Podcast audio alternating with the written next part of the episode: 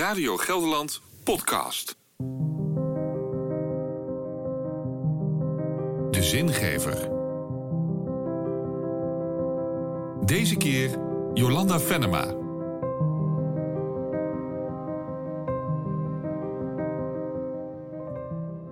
Eén keer per jaar, zoals ik al zei, vieren we als Leger de Zels Donutdag. Wat dat is? We delen gratis donuts uit. Van tijd tot tijd komt de vraag wat wij dan met donuts hebben. Dat is een lange geschiedenis. Het begint eigenlijk in de Eerste Wereldoorlog.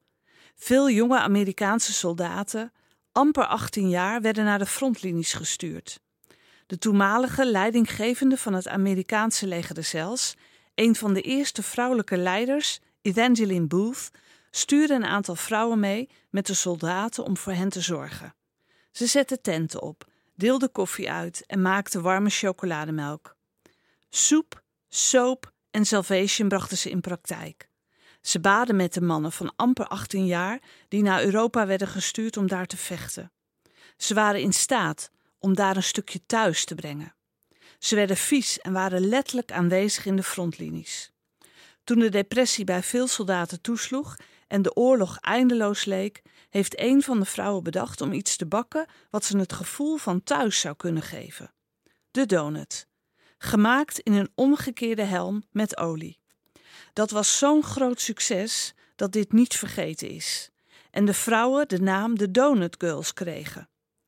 Ik heb diep respect voor deze vrouwen, die hun leven riskeerden om troost, warmte en Gods liefde te brengen op een plaats waar het leven niet telt.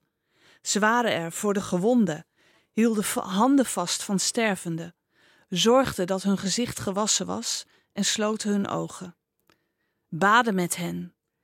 Daar denk ik aan als ik op de eerste vrijdag in juni, want dan delen we de donuts uit, je een donut geeft. In de hoop dat ik net zoveel mag betekenen voor hen die gevoelsmatig vechten in de frontlinie van het leven. Dat ik er mag zijn met warmte als kilheid je leven binnen is gekomen.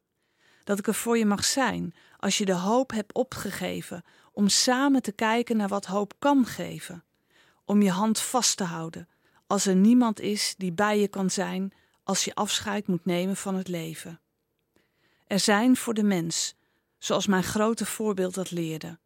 Jezus, hij zei: Het belangrijkste is God liefhebben boven alles en je naaste als jezelf. De Donut Girls zijn voor mij voorbeelden die dit in praktijk brachten, in hun tijd en in de omstandigheden van dat moment. Ik dank God dat ik dat ook mag doen in een land waar vrede is, waar we de deuren van de gebouwen van het leger zelfs open mogen zetten voor iedereen. Ik hoop dat als we samen een kopje koffie drinken, soep eten, iets van Gods aanwezigheid mogen ervaren op een manier dat het ons hoop geeft op een goede toekomst, vertrouwen geeft in elkaar en kracht om alle dingen die ons in het leven kunnen raken te dragen. Dat doet een liedje bij me bovenkomen, dat ik altijd zong met onze kinderen. Geef mij je hand, geef me ze allebei. En dan zeg ik even dat ik niet kan leven zonder jou.